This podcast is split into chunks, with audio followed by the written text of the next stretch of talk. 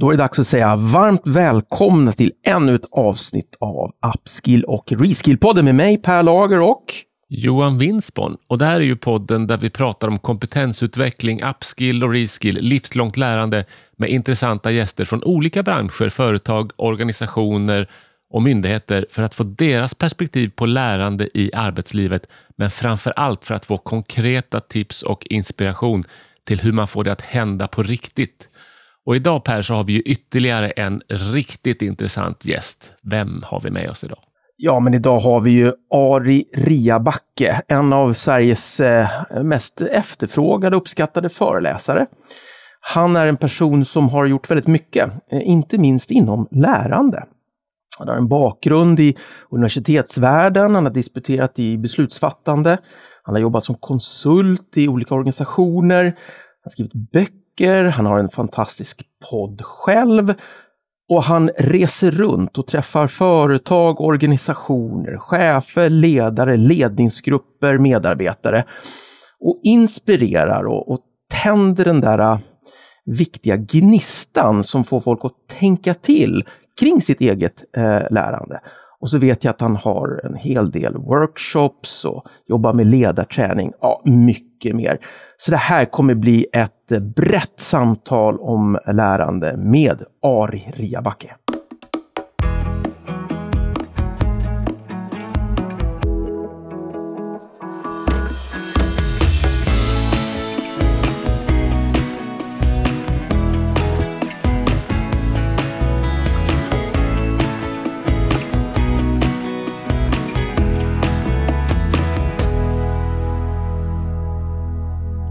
Välkommen Ari till Upskill och Reskill-podden. Tusen tack! En ära att vara här. Vad kul och vi är jätteglada att ha dig här. Och Per gav ju en liten målande bakgrund över vem Ari Riabacke är. Men jag tänker, hur skulle du vilja beskriva dig? Stämmer det, stämmer det som Per sa?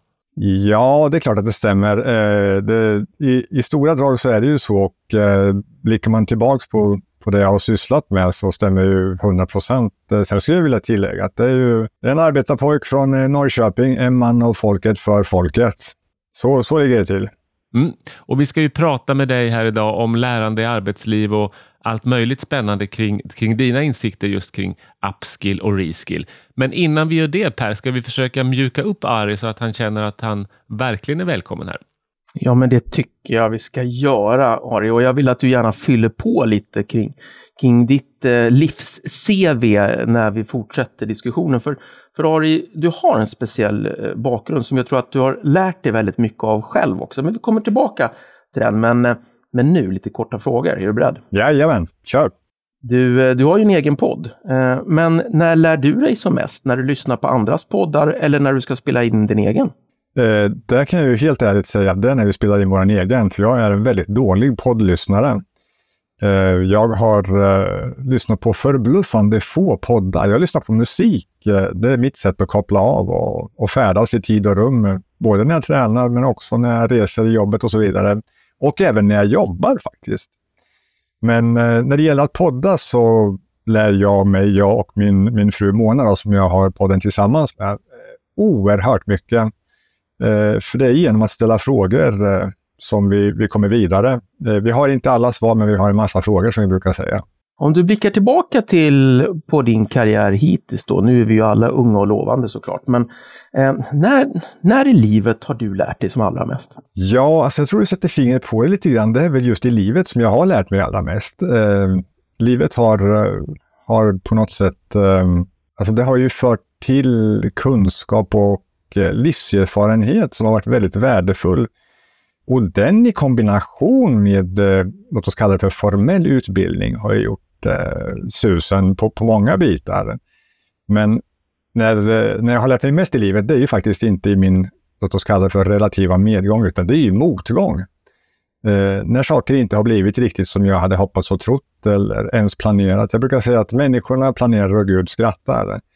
Så att eh, de stora lärdomarna, de har ju faktiskt kommit av att, eh, att det har gått tokigt. Det har blivit eh, helt fel eller eh, man har råkat ut för någonting som man inte hade kunnat föreställa sig. Du är ju disputerad i området beslutsfattande. Då kanske man tänker på Daniel Kahneman och lite andra. Vad säger du, vad är, vad är det viktigaste att lära sig för att var, bli lite mindre dålig på att fatta beslut, höll jag på att säga?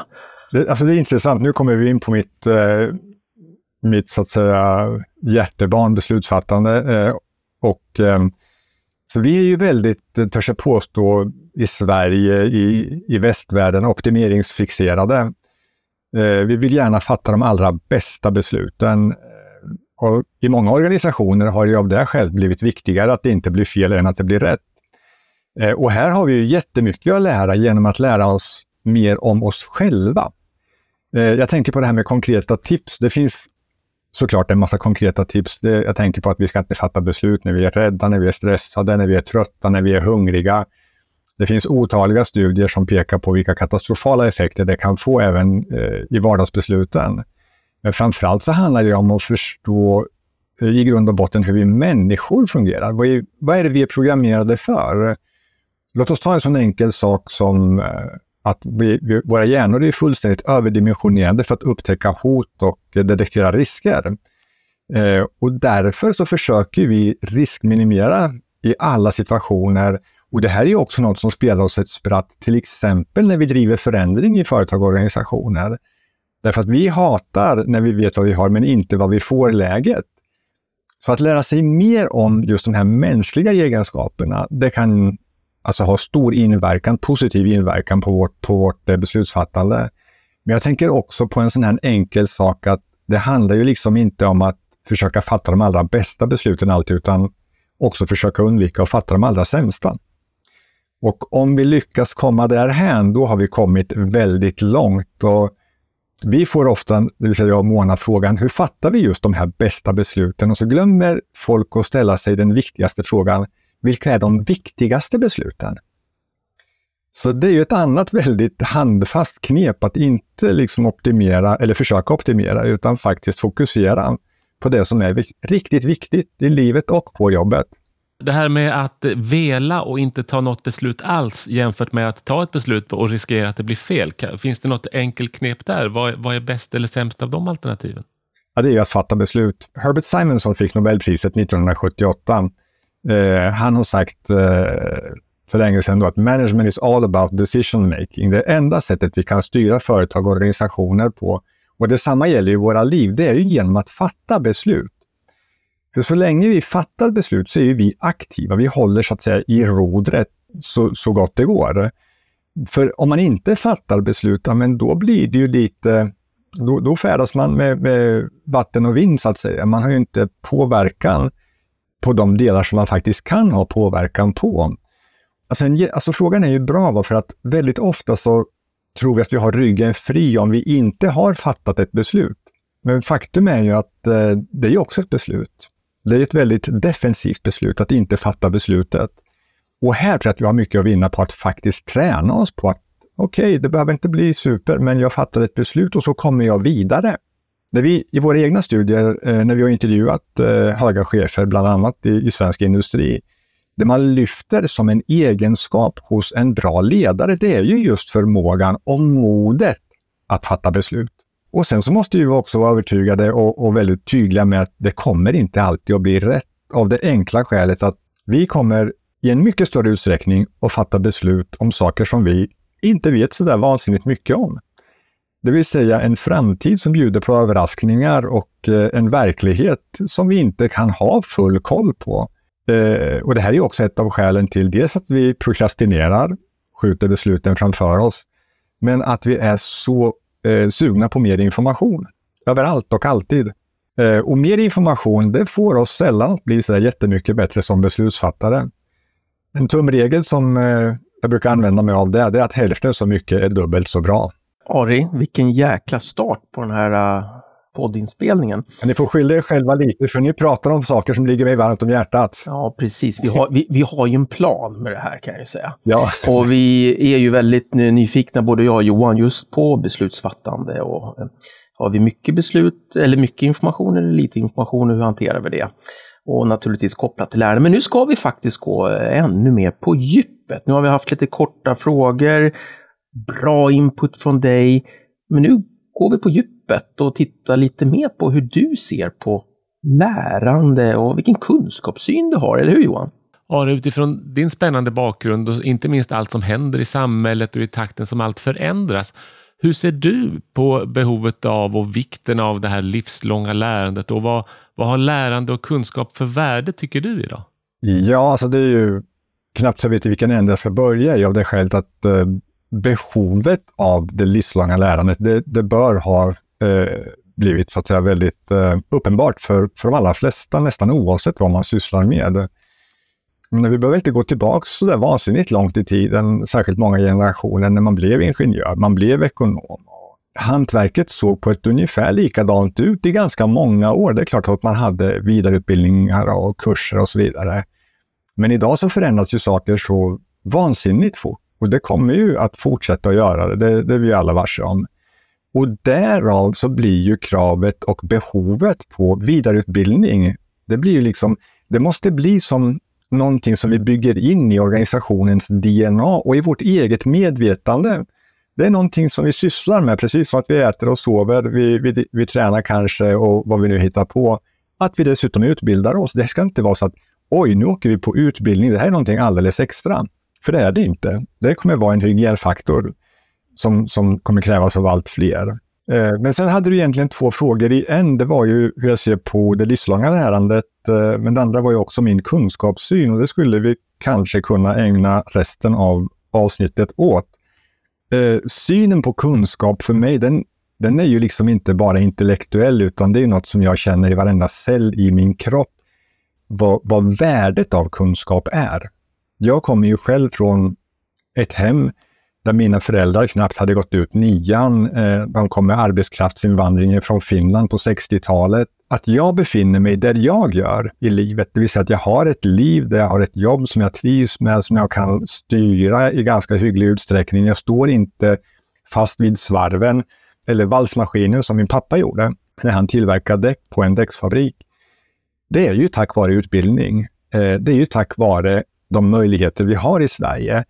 Och det här är någonting som jag tror att vi inte riktigt förmår att sätta rätt värde på. Vi har eh, vänner och bekanta från andra länder, från eh, länder där utbildning kostar, där utbildning inte är alls lika självklar och där faktiskt inte utbildning alltid heller hjälper en vidare i livet eller karriären om man inte kommer från rätt familj och så vidare. Men om man tar de här möjligheterna som vi har i Sverige och det här kanske mer formella lärandet ja. jämfört då med, med vardagslärande och lärande i arbetslivet och mer informellt lärande. Hur tänker du kring de här olika systemen och balansen mellan dem? Hur viktigt är de här olika delarna i lärandet? Alltså, de är superviktiga. Alltså, tittar vi på den formella delen, eh, om vi ser till min egen bakgrund inom universitetsvärlden. Vi har eh, av tradition kanske inte nu är jag lite part i mål, men uppskattat just den typen av kunskap som man gör i många andra länder. Om vi tar Finland som ett, ett land som är vårt grannland, så att säga, östliga österliga broderland, där man har en helt annan kunskapssyn och där man eh, lyfter forskning, där man ofta tar folk på pulsen. Vad, vad, vad har du i, liksom, utbildningsmässigt i bagaget för att till exempel avancera i en organisation och så vidare? Nu är ju inte det det enda som gör att man är lämpad, kanske inte ens är lämpad trots att man har det. Men det ses som en väldigt viktig komponent. När, när jag disputerade 2007 och kom ut och, och man berättade att man var doktor, man, då, då frågar de så här, ja men jag har ont i halsen. Liksom det är väldigt, alltså, många som inte har riktigt koll på vad det handlar om. Är man docent dessutom som är nästa steg, då tänker alla på styckmordet och det kostar det här förfärliga som var.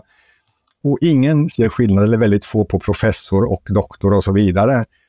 Så där tror jag vi, vi har någonting med oss. Och varför, det vet jag inte, men vi har tagit det för givet. För forskningen, den är ju superviktig för att i nästa steg kunna koppla ihop då det akademiska, det vill säga studier, undersökningar med det vi har i verkligheten.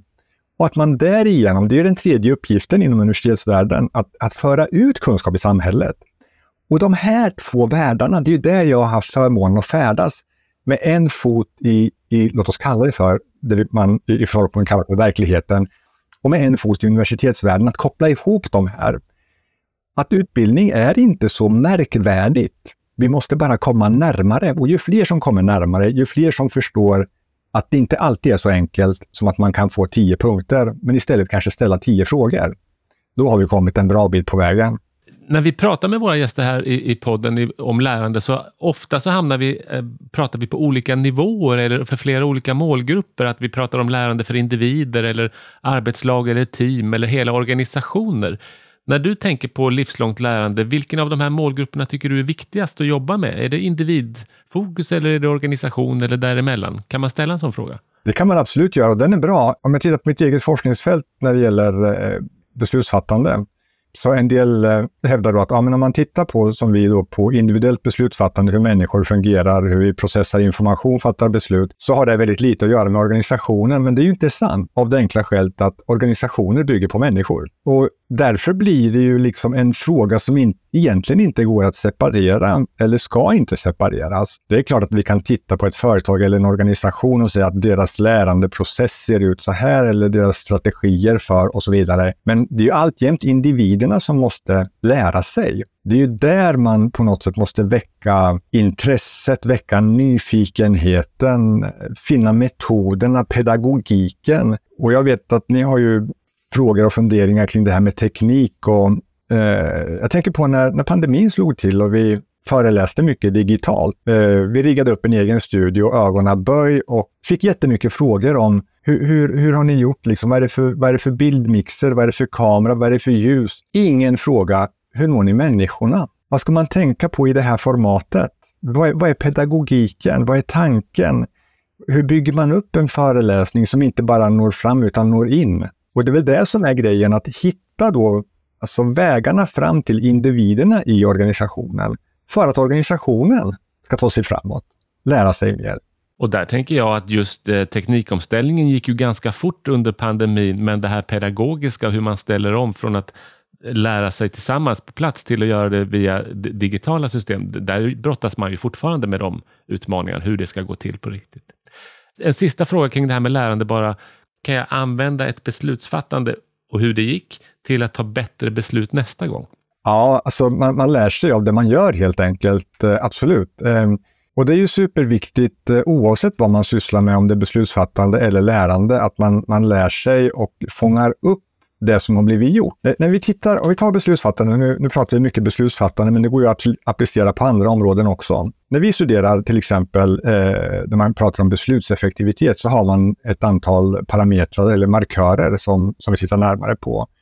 Det är ju till exempel om beslut är fattade på rätt typ av information, eh, vad man har för eh, nivå av eh, authority, alltså vem som får fatta besluten, och inte minst eh, vilken periodicitet eller hur fort eh, lagom fort eh, eh, eller om man då skjuter på det man fattar beslut. De här är ganska enkla att titta på, men det som är också viktigt det är att följa upp, göra en uppföljning på hur blev det? Och att man därför måste skriva ner vad man gör. För annars så kommer man inte ihåg vad som har blivit gjort och på vilka grunder och hur man tänkte. Och tar man beslutsfattande som ett jättebra exempel så är det ju så att vi kan ju fatta ett väldigt bra beslut men resultatet blir dåligt. Och då tror vi per automatik att det var ett dåligt beslut, men det behöver det ju inte ha varit. Och tvärtom kan vi fatta ett väldigt, egentligen dåligt, rent tekniskt dåligt beslut, men effekterna blir bra. Och då tror jag att det var ett bra beslut.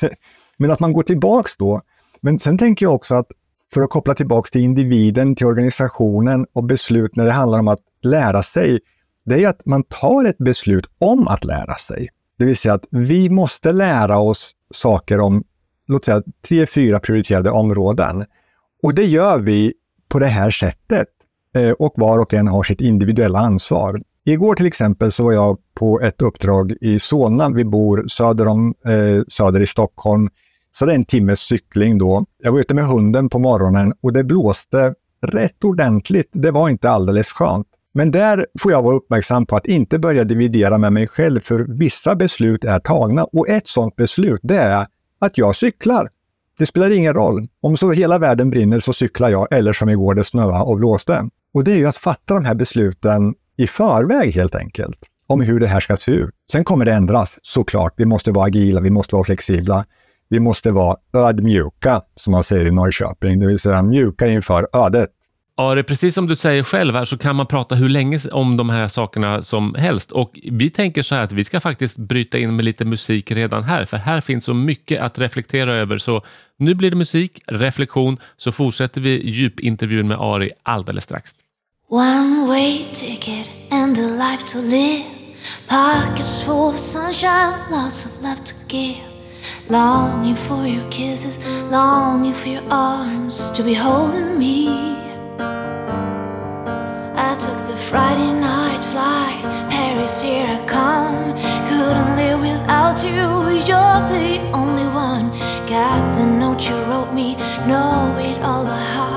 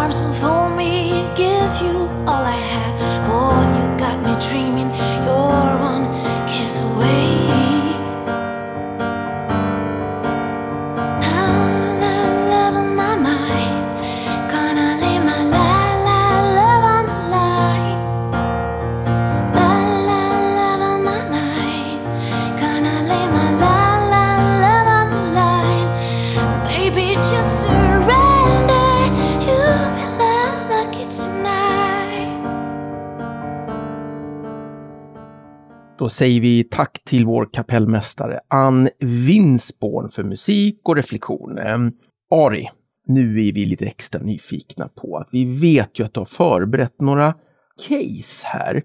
Ehm, så vad är det du vill lyfta som ett eh, första case-exempel?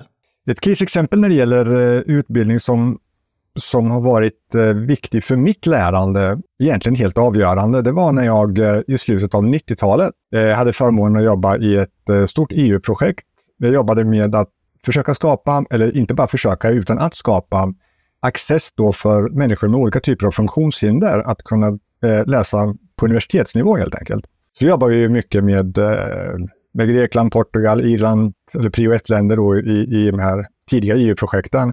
Sen något år senare så började jag jobba för en stiftelse i Malmö som heter Hadar. Och då tog jag fram en utbildning för utbildare att ta fram just utbildningar med eh, hjälp av det man då kallade för ny teknik. Och det var ju med hjälp av multimediaproduktioner, vi gjorde ju CD-skivor och så vidare. Men det var ju också då First Class till exempel, ett enkelt kommunikationssystem var i sin linda. Att använda de verktyg som fanns tillgängliga på ett pedagogiskt och individanpassat sätt. Och den här övningen, den var ju spännande, den var krävande. Vi var väldigt många med olika typer av kompetenser inblandade såklart i det. Men det handlar ju om att faktiskt göra det möjligt för människor som annars aldrig hade kunnat ta del av utbildning, att göra det flexibelt. Alltså vi pratar ju idag väldigt ofta om distansutbildning, men då pratar man om flexibel utbildning. För att ta hänsyn till bland annat då handikappens sekundära effekter, att det kunde ta fyra timmar för en person att klä på sig, komma iväg till eh, kurslokalen eh, och därför var det bättre att vara hemma ibland. Men å ena sidan, men å andra sidan så var kanske vederbörandes behov av, av att träffa människor ännu större än för många andra som, som är iväg varje dag. Och den här kunskapen, det var ju den jag hade med mig nu när pandemin slog till. Hur når vi människor? Det var ju det jag var inne på lite grann. Hur, hur når vi människor när vi inte kanske sitter i samma rum? För jag tror ju att en stor del av lärandet, eh, det framtida lärandet, det kommer ju inte ske i traditionell klassrumsundervisningsform, utan det kommer ju ske på tekniska eh, plattformar. Att teknikutvecklingen gick väldigt fort under pandemin, det var både ja och nej, för tekniken fanns redan där. Det var bara att vi inte använde den. Eh, omställningen gick väldigt fort. Eh, så vi lärde oss jättemycket och det här är ju intressant av, av olika skäl. Jag tänker, jag tänker också ledarskap då som såklart är väldigt eh, tajt kopplat till lärande. Eh, alltså att ledarskapet har den, den här uppgiften på sitt bord att slå an eh, tonen, eh, jobba med kulturen. Det, det är också att när vi tittar på eh, förmågan att kommunicera, när vi börjar kommunicera digitalt under pandemin, de som var duktiga på det, de blev om möjligt ännu duktigare. De som var dåliga på det, de blev om möjligt ännu sämre. Vad är det och vad var det konkret vi ska tänka lite extra på då när vi jobbar online med lärande? Ja, Så fundera mycket mer på hur, alltså mottag- vi pratar ofta om att vi ska ha kunden i fokus. Men det är ju kundens fokus som ska vara på något sätt top of the mind. Vi ska förstå eh, så gott det går hur människor lär sig, hur de tar till sig kunskap, vad som inspirerar dem, vad som motiverar dem. För det måste vara lite roligt också. Vi, vi har en tendens till att ha, ha, en ganska tydlig bild av vad det är vi vill förmedla, men en betydligt sämre idé om hur man faktiskt kan, låt oss kalla det för konsumera eller på något sätt tillgodogöra sig det vi träffas kring. För det, det handlar ju om att det måste bli på Norrköpingska ett möte. Det är i mötet med människor som kunskap frodas. Så att det inte bara blir en, en sändning åt ena hållet. Det är ju en del i det. En annan del, om det finns möjlighet och det sker till exempel i realtid eller även om det inte sker i realtid, men att man någonstans är om möjligt ännu mer människa i det här mötet. Eh, för människor älskar människor. Så enkelt är det. Det vi såg till exempel och ser i våra studier nu när vi gör djupintervjuer, det är ju vikten av att vara, att vara sig själv, att vara personlig, att vara autentisk. Och det handlar inte bara om, ledar, eh, eller om, om lärande, det handlar om ledarskap. Det handlar om att jobba tillsammans med människor. Vi bygger ett förtroende i det här mötet och vi gör det tillsammans. Det är väldigt viktigt. En annan viktig del det är ju just att tänka på, alltså jag tänker på när jag har, jag har undervisat mycket på universitetsnivå. Alltså en av de stora utmaningarna, alltså studenter de är ju smarta men förbluffande ofta också lata. Eh, det är ju som människor eh, i största allmänhet. Vi försöker liksom med minsta motståndets väg få in så mycket som möjligt. Och den vanligaste frågan man får det är, kommer det på tentan? Alltså, eller examinationsformen styr inlärningen väldigt mycket. Det vill säga, vad, vad, blir, vad blir belöningarna i en lärsituation? Hur ska vi få människor att lära sig, att, ha, att vara sugna på att lära sig? Eh, hur ska vi koppla ihop det här med deras egen verklighet, eh, med, med det de har framför sig? eller där man inom förändringsledning eh, med den drucknes envishet återkommer till what's in it for me. Och där behöver vi möta människorna, vi behöver ju träffa dem, vi behöver ju prata. Vi behöver ju på något sätt eh, lista ut det här tillsammans ofta.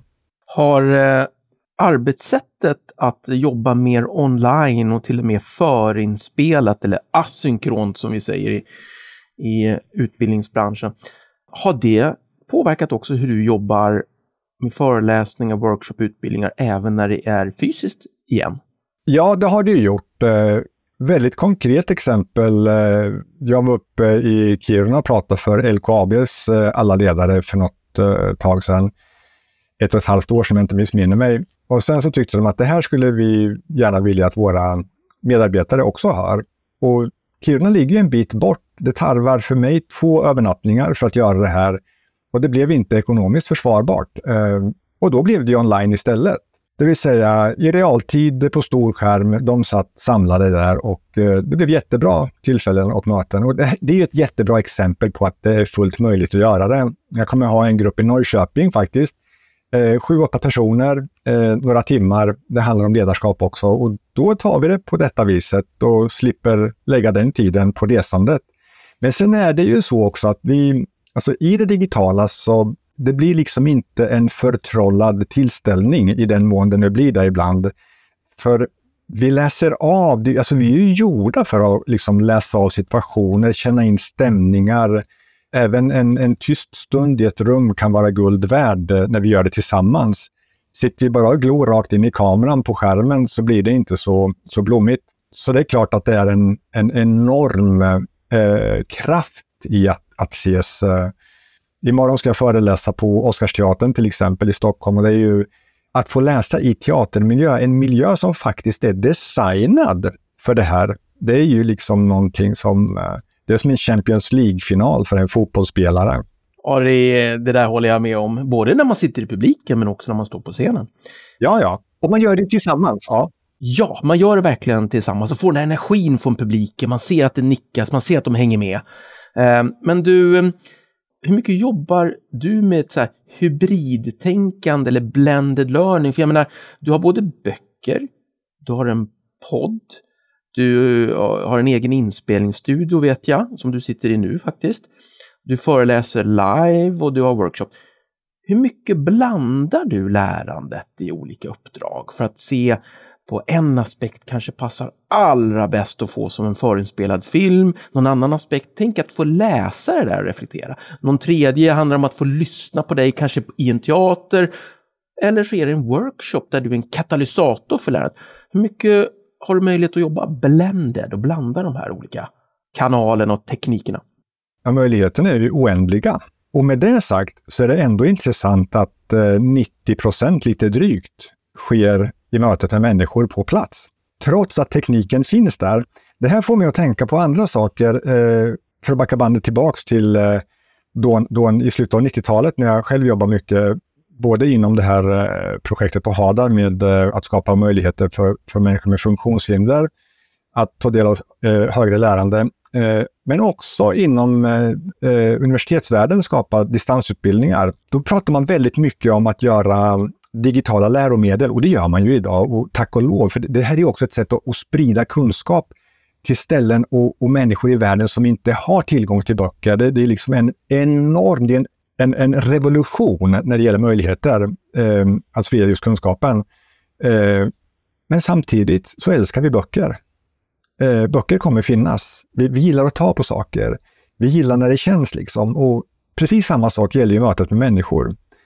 Så att egentligen, det jag och vi blandade, som jag och Mona som jobbar ihop, det är ju föreläsningar, det är workshops. Eh, och sen är ju podden en viktig del. För den är ju, precis som det här samtalet nu, det är ju någonting som människor lyssnar på utan visitkort i fickan. Det går rakt in i huvudet. Och när vi kommer ut i landet så tycker folk att de känner oss. De har hört vår röst. Eh, de har liksom följt med, de förstår vad det är för löst de har på gången, hur tankarna går och vad vi är för, för, för typer på, på, i stora drag. Men då handlar det ju om att lära känna människan. Och där är ju poddformatet helt eh, fantastiskt. Så att på något sätt så krattar podden manegen många gånger i mötet med människor. Vi börjar inte på ruta ett, utan vi börjar någon annanstans. Men alltjämt, det mänskliga mötet, det är oslagbart. Så är det. Och så kommer det förbli. Av det enkla skälet att eh, hjärnan vi har, det är en version 1.0 och det är ingen ny version i sikte fjärde kvartalet innevarande år. Och de programmen, de finns där djupt rotade i oss. Ja, vilken eh, härlig avrundning på, på den här case-delen. Och nu vet jag att Johan är lite sugen på att fortsätta lite på samma spår kanske. Jag skulle vilja koppla till det du pratade alldeles nyss här om eh, eh framtidens lärande och, och, och, även bok eller inte. Ge dig några kortfrågor av lite hiss eller diss-typen där du ska få ta ställning, tänkte vi. Vad vi inte har pratat idag är ju någonting som kommer med raketfart och det är ju naturligtvis AI, artificiell intelligens. AI för lärande, hiss eller diss? Hiss. Och varför det? det öppnar upp enorma möjligheter. Eh, det kommer ställa mycket, stora, eller mycket större krav eh, på pedagogerna helt enkelt, på utbildningsväsendet. Jag tror att AI är, eh, eller jag tror inte AI är i sin linda och öppnar redan upp fantastiska möjligheter till utbildningsstöd och möjligheter. Du nämnde ju tidigare det här kommer det på tentan och hur man lite grann styrs i sitt lärande utifrån vad man mäts efter. Tror du att AI kommer kunna påverka just den parametern också av lärandet? Att det blir att vi kanske behöver, eh, som Fredrik Heinz sa när han var här, att vi kanske behöver titta istället på vad är det värdefullt att mäta istället för vad som är enkelt att mäta. Ja, men såklart. Det, det är ju det är A och O. Eh, Alltså, vi har en övertro. Vi, alltså, det är jättebra att mäta. När vi mäter så vet vi. Eh, det gäller i väldigt många lägen eh, när man gör studier och så. Eh, vi kan få en samlad bild, men framför allt så handlar det ju om att varför gör vi det här? Vad, vad, är, det, vad är målet med det här? Och kopplat till det så blir ju också att när man har, alltså har man, vi var inne på det här, eh, kommer det på tentan, alltså om vi nu tar tentafrågor som ett enkelt och förenklat exempel, men alltjämt, frågeställningarna måste bli annorlunda.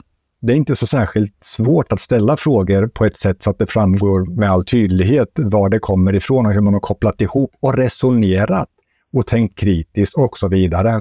Så att jag tror att kunskap handlar mer, alltså för att komma tillbaka till frågan min kunskapssyn som var inte de första här när vi började prata. Kunskapssynen handlar ju om att inte alltid förvänta sig att kunna gå hem och snickra en låda med spik och hammare det första man gör efter en utbildningstimme, utan att det sätts i ett större sammanhang. Att man förhåller sig till det på ett kritiskt sätt, att man kopplar ihop det med erfarenheter från förr och framtida erfarenheter och därför blir ju också utbildning ibland svår att värdesätta. Vad är, vad, vad, är liksom, vad är värdet av den här utbildningen? Ja, men det vet vi inte. För du kanske inte cashar in på den förrän om 5 eller 10 eller 20 år. Och du kanske inte cashar in på just den biten med mindre att det tillkommer andra delar. Du har ju pratat mycket om det mänskliga mötet. Jag vet hur mycket du brinner för det. Och då tänker jag, vilket mänskligt möte, vilken person har betytt mycket för ditt eget lärande och din, som har inspirerat dig till lärande och utveckling? Oj, det var en fråga rakt in i hjärtat. Den är ganska enkel egentligen. Ehm, det finns ett antal personer jag skulle vilja lyfta, närmare bestämt tre. Den första, det är eh, en man som heter Lasse Ekstrand.